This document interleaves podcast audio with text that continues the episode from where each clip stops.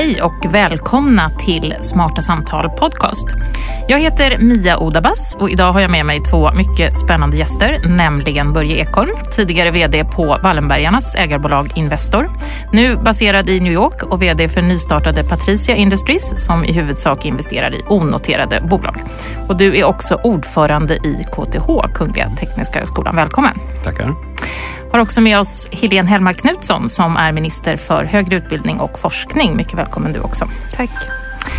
Den här podcasten bygger ju på att jag bjuder in någon som är nyfiken på någon annan. Och den här gången så var det så, Börje, när jag började prata med dig, att du sa att du är nyfiken på Helene därför att hon är ansvarig för det viktigaste området för vår konkurrenskraft på 20 års sikt. Hur tänkte du då? Nej, och det stämmer precis. Eh, jag tycker att Helen har det ansvarsområde för kompetens och kunskapsuppbyggnad i Sverige som gör att vi kan vara konkurrenskraftiga i nästa generation. Det här är inte en fråga för dagen egentligen utan det är en framtidsfråga.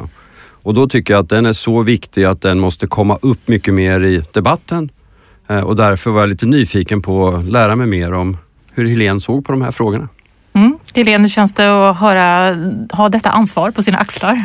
Nej, men jag är väldigt glad och jag är glad att någon ser det för jag delar också den här bilden av att alltså, i relation till hur viktiga de här frågorna är på lång sikt för Sverige och för svensk industri men överhuvudtaget så, så tycker jag också att de eh, ibland får lite oförtjänt lite utrymme i den dagliga debatten. Mm. Och nu ska vi ägna hela den här podden åt dessa frågor. Eh, vi kan väl börja precis där. Jag vet Börje att du eh, tycker att eh, vi fokuserar ju efter den här PISA-undersökningen som ju var katastrofal får man säga för Sveriges del. Så har vi fokuserat debatten väldigt mycket på det som händer tidigt i grundskolan. Medan vi då inte diskuterar lika mycket högre utbildning och forskning. Det har blivit så. Det är klart att man fokuserar i allmänhet på eldsvådan. Så det brinner i grundskolan så då måste vi lösa den först. Men tittar vi återigen på riktigt lång sikt så är världen på väg att ändras väldigt dramatiskt.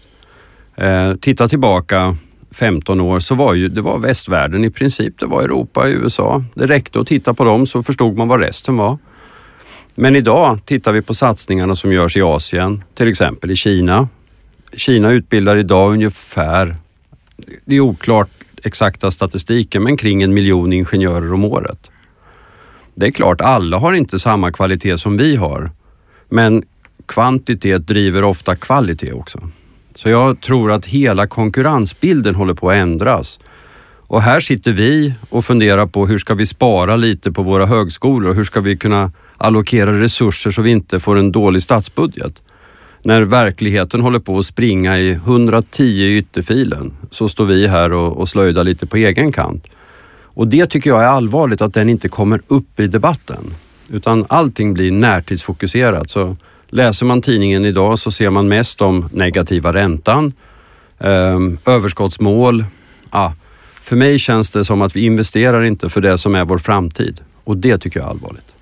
Jag håller med också, för det är precis hela bilden håller på att ändras nu när det gäller till exempel tillgången till högutbildade människor. Det är, konkurrensen hårdnar väldigt snabbt. Vi mm. ser bara till 2030 så kommer antalet högskolestuderande ha fördubblats, eller fyrdubblats rättare sagt, från dagens 100 miljoner till runt 400 miljoner.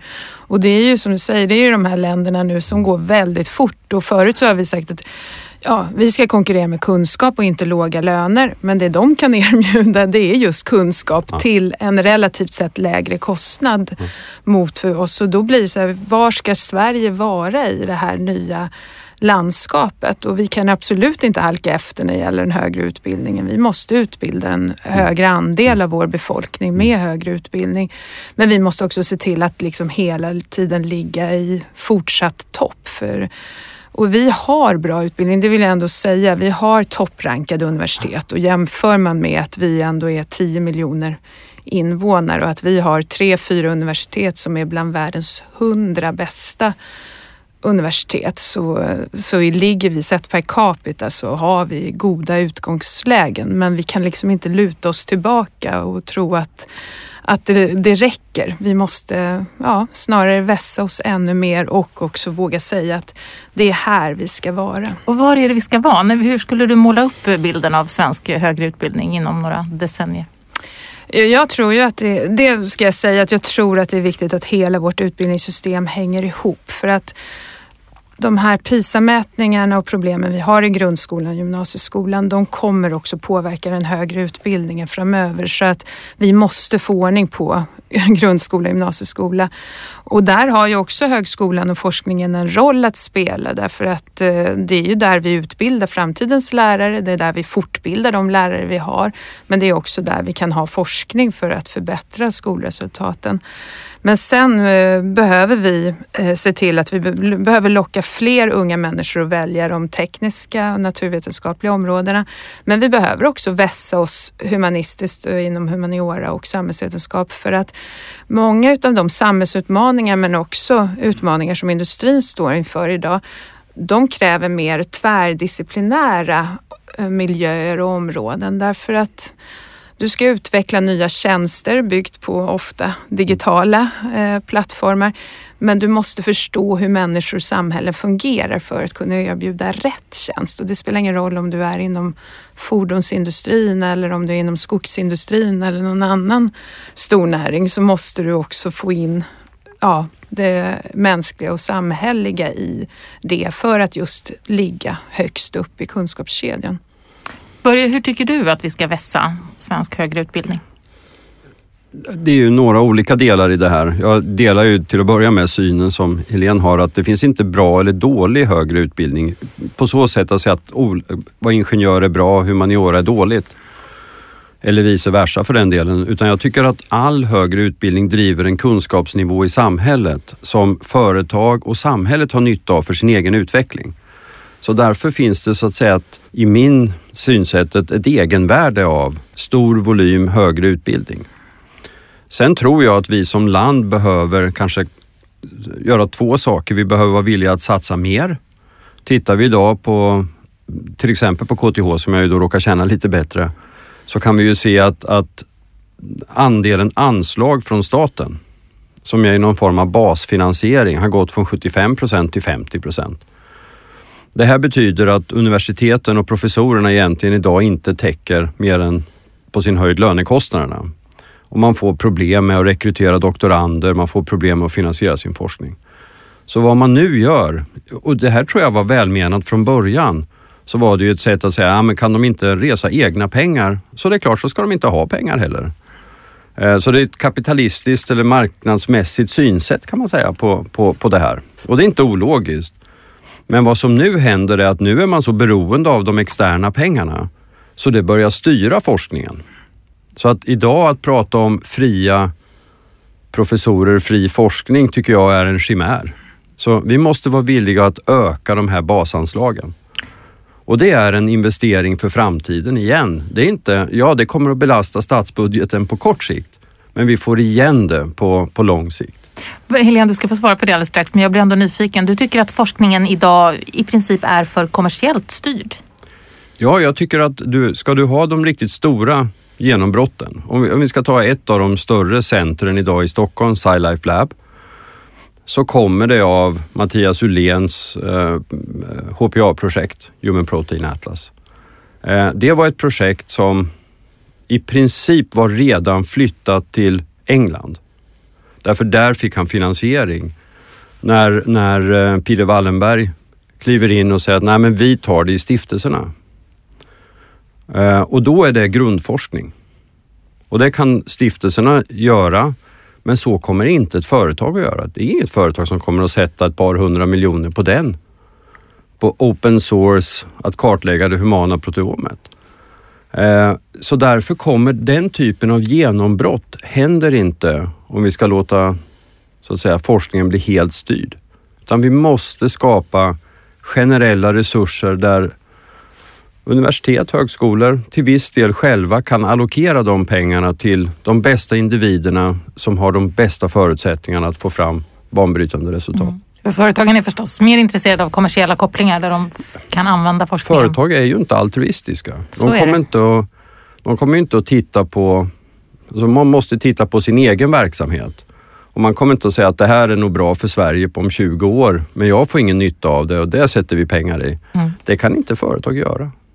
Helene, vad säger du om den analysen? Håller du med om det? Att det en fara i att forskningen blir förstyrd?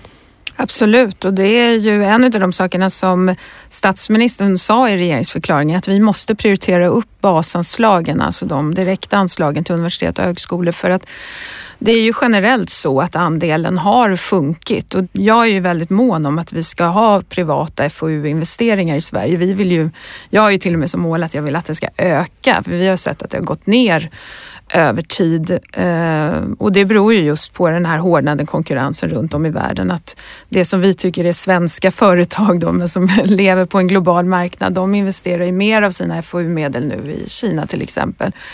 Och här behöver vi locka tillbaka men men med det sagt så är det ju också så att vi behöver prioritera basanslagen och då måste vi ha lärosäten som orkar vara så långsiktiga och som orkar göra strategiska val. Och det här är ju också en fråga om styrning och ledning av våra högskolor och universitet. Att, att klara att hitta en balans mellan det som man brukar prata om kollegialiteten och det att eh, ja, forskarna själva styr sin egen forskning och så, men samtidigt våga göra strategiska både val av forskningsområden och forskningsgrupper och samarbeten som kommer behövas, inte bara nationellt utan internationellt men också ha rekryteringsprocesser som är långsiktiga för att det är precis som du säger att risken med den här kortsiktigheten det är också att man tappar doktorander, att man inte har tillräckligt med postdocs, man har inga tydliga meriteringstjänster och allt det här påverkar just på lång sikt tillgången till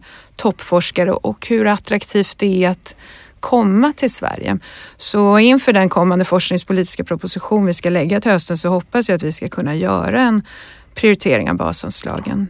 Jag kan säga att de länder som vi tittar på som lyckas lite bättre än Sverige just nu i Europa, det är ju bland annat Holland, Schweiz, Danmark till viss del.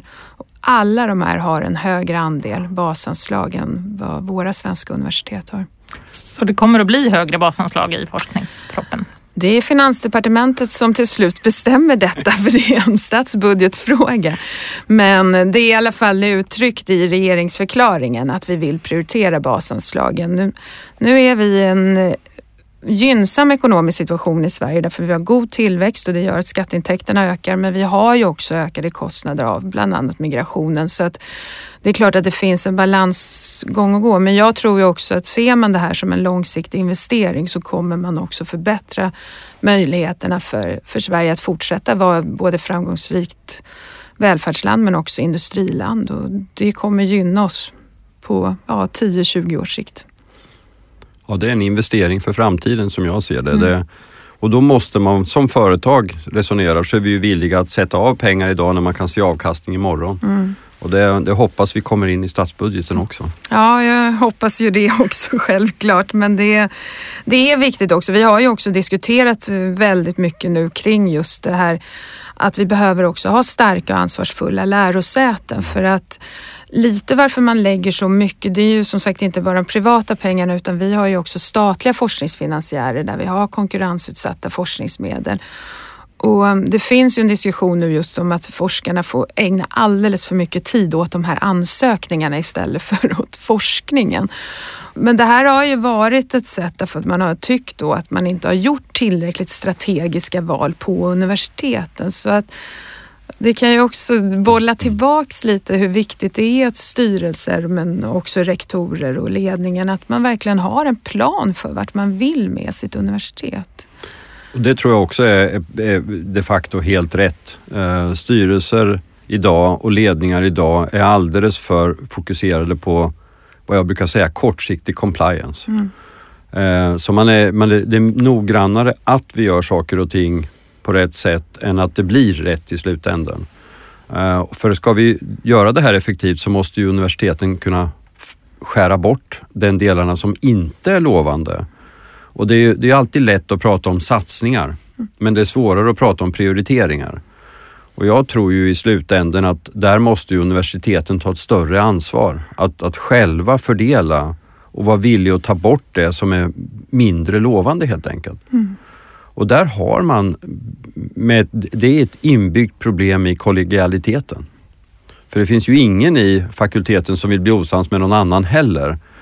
Eh, så att här, här kommer det att kräva, tror jag, tydligare linjestyrning. En, en, en, man får inte gå för långt för universiteten är en unik miljö i just kollegialiteten. Men man måste över i mer linjestyrning. Och då är jag inne i, igen då, i att säga att, att jag tror att det är lättare att genomföra med privata stiftelsehögskolor. Nu vet jag att nu svär jag i kyrkan, ehm, men, och, det, det, och det är en av mina frågor egentligen.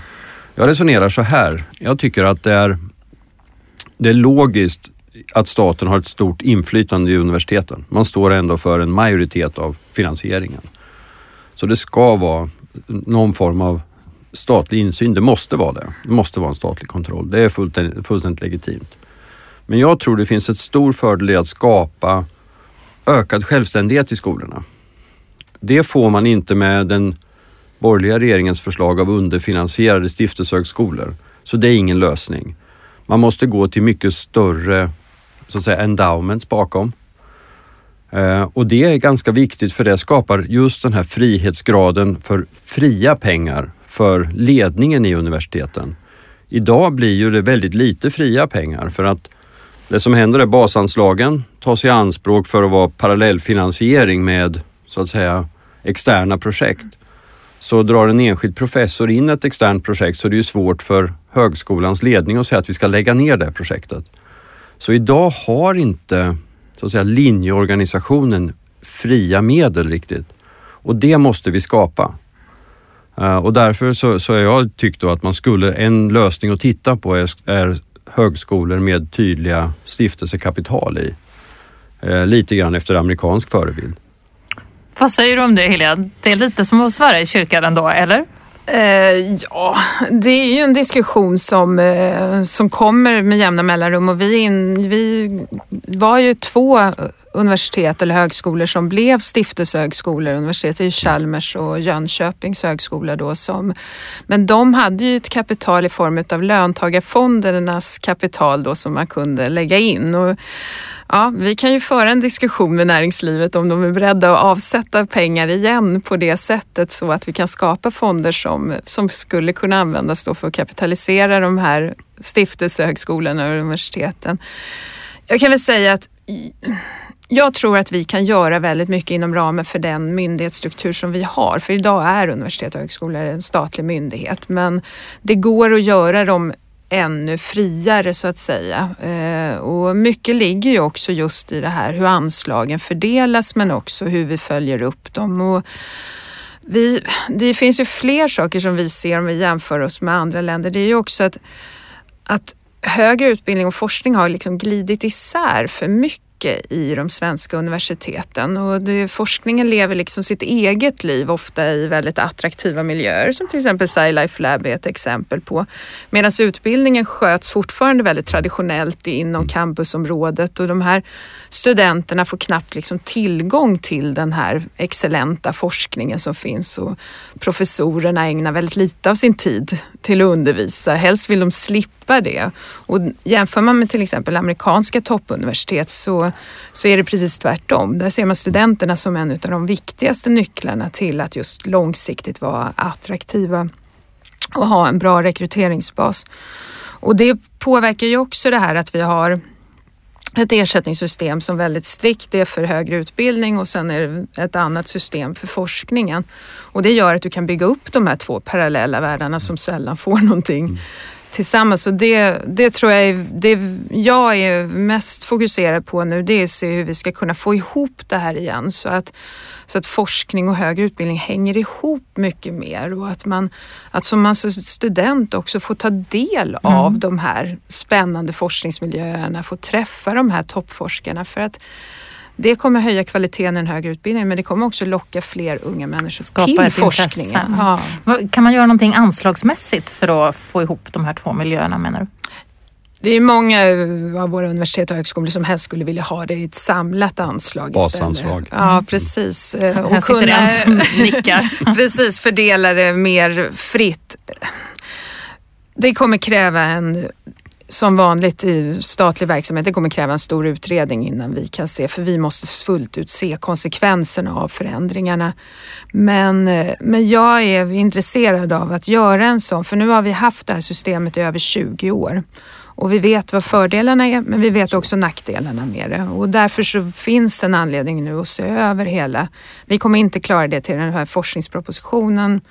Men vi kanske i alla fall skulle kunna tillsätta en utredning och börja samtala om hur skulle ett system se ut där man just får ihop eh, och kan göra just de här strategiska valen och som du säger där inte alla medel försvinner ut på institutionsnivå eller ut i mm. forskningsgrupper utan där du kan ha en del strategiska val. Och det är också så att den enskilde forskaren idag, han måste ju också fundera, eller han eller hon fundera på hur får man in pengar? Mm. Eh, och då blir man ju också styrd ut i ett av benen, och det, för det är där jag kan skapa egna medel. Mm.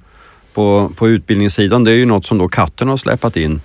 Därför den tar ju tid ifrån min fokus på att hitta pengar till forskningen. Just det. Eh, så att man har ju, det, det, som jag tror var en lovvärd tanke när man gjorde det, tror jag har lett till konsekvenser så att säga 15-20 år senare som man inte riktigt förstod. Mm.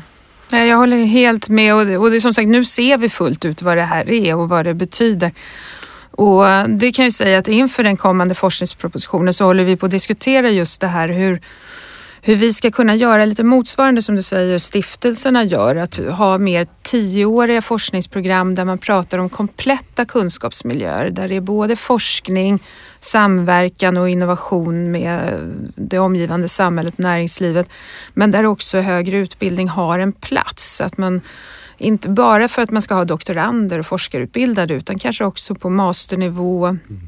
Att erbjuda öppna kurser för de som är ute i arbetslivet så att de kan ta del av den nya kunskap som genereras i de här miljöerna så att vi också fortbildar den ja, de, de högutbildade som finns ute i industrin. För du kommer ju behöva fortbilda dig mycket, mycket oftare i framtiden även om du har en högre utbildning med dig. Ja, det, det, det där är ju världen annorlunda. För sen när jag gick ut KTH då, då var det ju så att säga, ja, då visste du att nu har jag jobb för livet. Mm.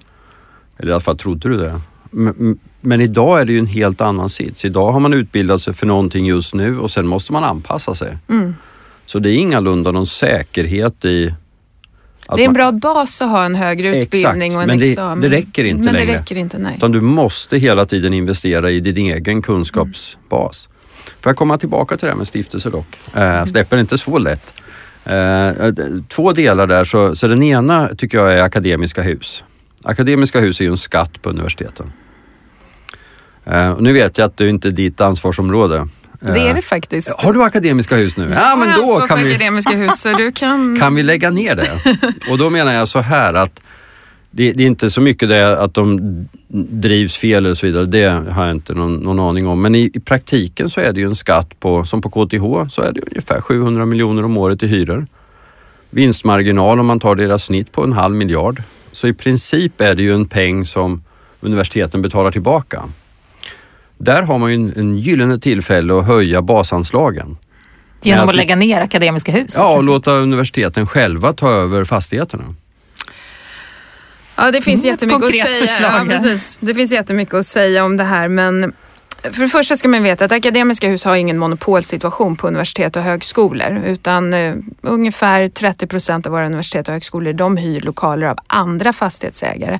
Så det gäller ju också att vi kan inte till exempel subventionera hyror via staten för då, då kommer de att hamna i en snedvridning av hela den här konkurrenssituationen att akademiska hus är på affärsmässiga grunder, det är en princip som vi är rätt överens om i riksdagen och över partigränserna. Eh, och dessutom så vill jag säga eftersom våra universitet och högskolor är i stort sett enbart statligt finansierade så får de också pengar för att täcka sina mm. lokalkostnader. Så eh, det är inte universitetens pengar på det sättet som man gärna vill se det på universitetet utan det här är till för att täcka de lokalkostnader man har.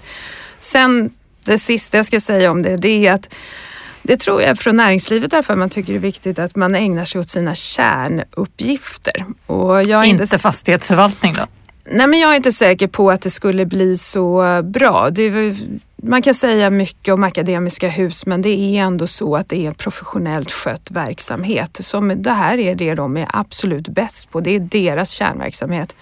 Universitetens kärnverksamhet det är högre utbildning och forskning och det är det de ska ägna mest av sin tid åt.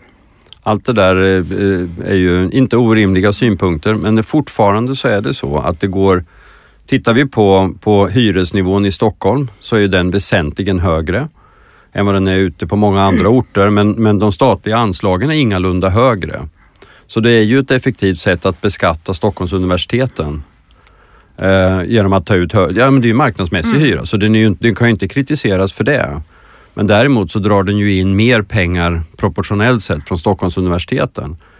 Vi ser ju det här när vi eh, ska till exempel få privata donationer. Så tittar man ju idag på okej, okay, vad går till forskningen och vad går till någon form av overhead? Och där i ligger hyror. Och då tittar man internationellt och säger man, ni har ju mycket högre hyror, varför har ni så höga fastighetskostnader? Och då hamnar man ju omedelbart i att då säger alla som är donatorer, jag vill inte skänka pengar som går direkt till statskassan. Så, så du tror... menar att ni får mindre privata donationer för att ni har så höga, i det här fallet, hyreskostnader? Ja, jag är övertygad om att det är en del av det här problemet. Så att jag tror att det skulle vara mycket bättre om man fick över fastigheterna till universiteten. För om det är en ren ekonomisk fråga, kanske justera anslagen något då.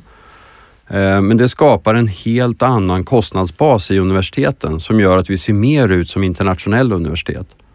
Eh, och det tycker jag, jag tror att det har ett, ett värde. Det hade inget värde förr, då var ju Sverige mycket mer isolerat. Men i framtiden har det det. En konkurrensnackdel menar Börje. Ja, men och jag ska inte säga emot det för jag känner inte till hur mycket man lägger liksom just uh, vikten på det här. Men som jag sa, det är ungefär 70 procent av universitet och högskolor som har just akademiska hus som fastighet. Så, så, frågan är vad ska vi göra med de andra? För de har ju också en, en motsvarande hyra fast hos ett privat eh, fastighetsföretag. Och, och det är ju ändå så att vi måste ju behandla dem lika. Sen tycker jag att även här finns det en möjlighet att titta lite på att man ska ha en lite större frihet när det gäller de här sakerna. För det akademiska hus tar ju hänsyn till att, att det är en så att säga, låg risk att hyra ut till ett universitet. Så att på det sättet så är det ju lägre och det gör ju även de privata fastighetsbolagen. Men det vi också ser det är ju möjligheten att kunna till exempel teckna längre hyreskontrakt för sånt som man vet att man kommer ha över en längre tid. Idag är man tillåten att göra upp till tio år. Och det har vi faktiskt gett ett uppdrag till Ekonomistyrningsverket att titta på vad skulle vi kunna ge för ytterligare frihet för att man i alla fall ska kunna laborera med det här och till exempel med hyrestiderna för att få en större autonomi och kunna äga på det sättet frågan om sina fastigheter mer även om man mm. inte äger själva husen. Ja, vi får ju inte ens äga fastigheter. Nej, precis. Att, för eh, det ingår inte i uppdraget och det jag vill ändå säga att jag tycker att den principen är rätt viktig. Jag är mer fokuserad på just det där, hur ska vi få upp kvaliteten i den högre utbildningen? Hur ska vi klara av att utbilda fler, för det kommer vi behöva göra. Och hur fortsätter vi vara en attraktiv och framstående forskningsnation som också är internationellt konkurrenskraftig. Men då tror jag den här frågan bör upp på bordet, att faktiskt vara del av den funderingen. Det låter som att det är en bit kvar tills du får som du vill Börje, men nu är frågan i alla fall uppe på bordet här. Börje, eh, näringslivets eh, inblandning och intresse för högre utbildning och forskning. Vad ska man säga om det? Å ena sidan så vill du ha större statliga basanslag för att eh, forskningen ska kunna vara friare, men sen pratar du om självständiga stiftelsehögskolor där då privata pengar skulle kunna ha en större, spela en större roll. Är näringslivet intresserat av, tror du, att bidra till det? Det tror jag. Tittar man i Finland så ser man Aalto-universitetet, där bidrog näringslivet. Eh, vi ser på KTH driver vi ganska stora samarbetsprojekt. Scania, Ericsson, Vattenfall, ABB, Saab, eh, Stockholms läns landsting är med. Som, som, där det är väldigt nära samarbeten kring stora projekt där de bidrar både med eh, kompetens och kapital. Och, och den har varit kritisk för att få den samarbetet igång. Eh, det råder ingen tvekan om det. Så näringslivet är intresserat av att vara med så att säga bidra till högre utbildning och forskning. Det, det, skulle jag säga. Däremot så tror jag att man ska inte tro att man kan få fria pengar från näringslivet. Utan de pengarna kommer att vara, det, det är någon form av IOU brukar jag säga, behäftade med det. Hörrni, om vi ska sammanfatta lite här. När det gäller forskningspropositionen i höst då, Helene. Eh, större basanslag skulle du också vilja se. Vi får se vad Finansdepartementet säger mm. på den frågan. Om du ändå skulle önska Börje nu inför forskningsproppen här i höst, om du skulle ge ett par konkreta önskemål, vad skulle det vara? Jag skulle ju börja med basanslagen. Jag tror det är den enskilt viktigaste frågan. Hur mycket högre basanslag vill du ha? Man måste vara realistisk också. Jag tror att det är en resa. Vi kommer inte att se det här gå till 75 procent av universitetens anslag nu. Men om man sätter en riktning så vill man ju se att den lämnar den nedåtgående trenden, att den bryts och börjar vändas. Det tror jag är en väldigt viktig signal än vad den absoluta nivån är de facto. Så jag, så jag tycker, jag är glad om man ser en riktning som går mot det. Eh, sen, sen tycker jag att vi behöver ha eh, behöver ha en bredare diskussion om vilka områden vi ska prioritera. Jag är inte alls oenig med de områdena som lyfts fram, ofta life science, digitalisering och så vidare. Men man måste också inse att till exempel digitalisering, det, har ju, det är faktiskt en trend som började för 50 år sedan. Det, det, det tänker vi inte ofta på, men då var ju datorn kom, eller mikroprocessorn. Tittar vi historiskt så har trender ofta varit 50-60 år. Sen är de mainstream. Så då tycker jag vi ska fundera ännu mer aggressivt. Vad skulle kunna vara ett annat område där vi kan vara riktigt, riktigt bra som inte riktigt har hänt än? Materialkunskap, nanoteknologi. Jag lyssnade på Maria Strömme nyligen. Det är fascinerande att höra vad man kan göra där. Eh, och vara villig att kraftsamla i något sådant område där, där vi idag Alltså där, där vi egentligen har maximal osäkerhet. Vi vet inte var det kommer att gå. Men vi har ju världens bästa skogsråvara till exempel. Vi kanske kan bygga en helt ny industri på materialbaserad där inom. Jag skulle vilja se någon sån debatt mm. istället där vi är villiga att lite grann göra, kalla det pie in the sky projekt som är mycket, mycket högre risk i. Och det skulle kunna vara någonting skogen, materialbaserat, nanoteknologi nämner du, någonting annat? Ja, det finns, ja, min egen fantasi är ju den största begränsningen så jag, jag tror att det finns många andra som kan komma på många bättre saker. Men det skulle vara intressant att få någon sån diskussion där vi inte bara tittar bakåt för att bedöma vad som men det är, det är ändå så, vindrutan är större på en bil än backspegeln. Mm. Det är inte en slump. Mm. Men där vill jag verkligen säga att nu har vi pratat ganska mycket om det som är Stockholmsbaserat men i Lund nu så bygger vi upp två otroliga forskningsanläggningar. Max 4-laboratoriet som, som invigs här bara om någon vecka och sen, eh, och sen även ESS. Mm. Och det ger ju enorma förutsättningar för det här är ju internationella toppanläggningar för bland annat materialforskning. Eh, det går också att ha life science-forskning där eftersom det handlar också om människans minsta beståndsdelar nu för tiden när vi utvecklar nya behandlingsmetoder och mediciner. Mm. Det finns en hel del att ta tag i. Stort och varmt tack för att ni två var med i Smarta Samtal Podcast idag. Och tack också till er som har lyssnat förstås. Nu så blir det sommar och sol och så återvänder vi i poddformat igen efter sommaren. Tack så länge. Smarta Samtal Podcast spelas in och produceras på Beppo ljudproduktion.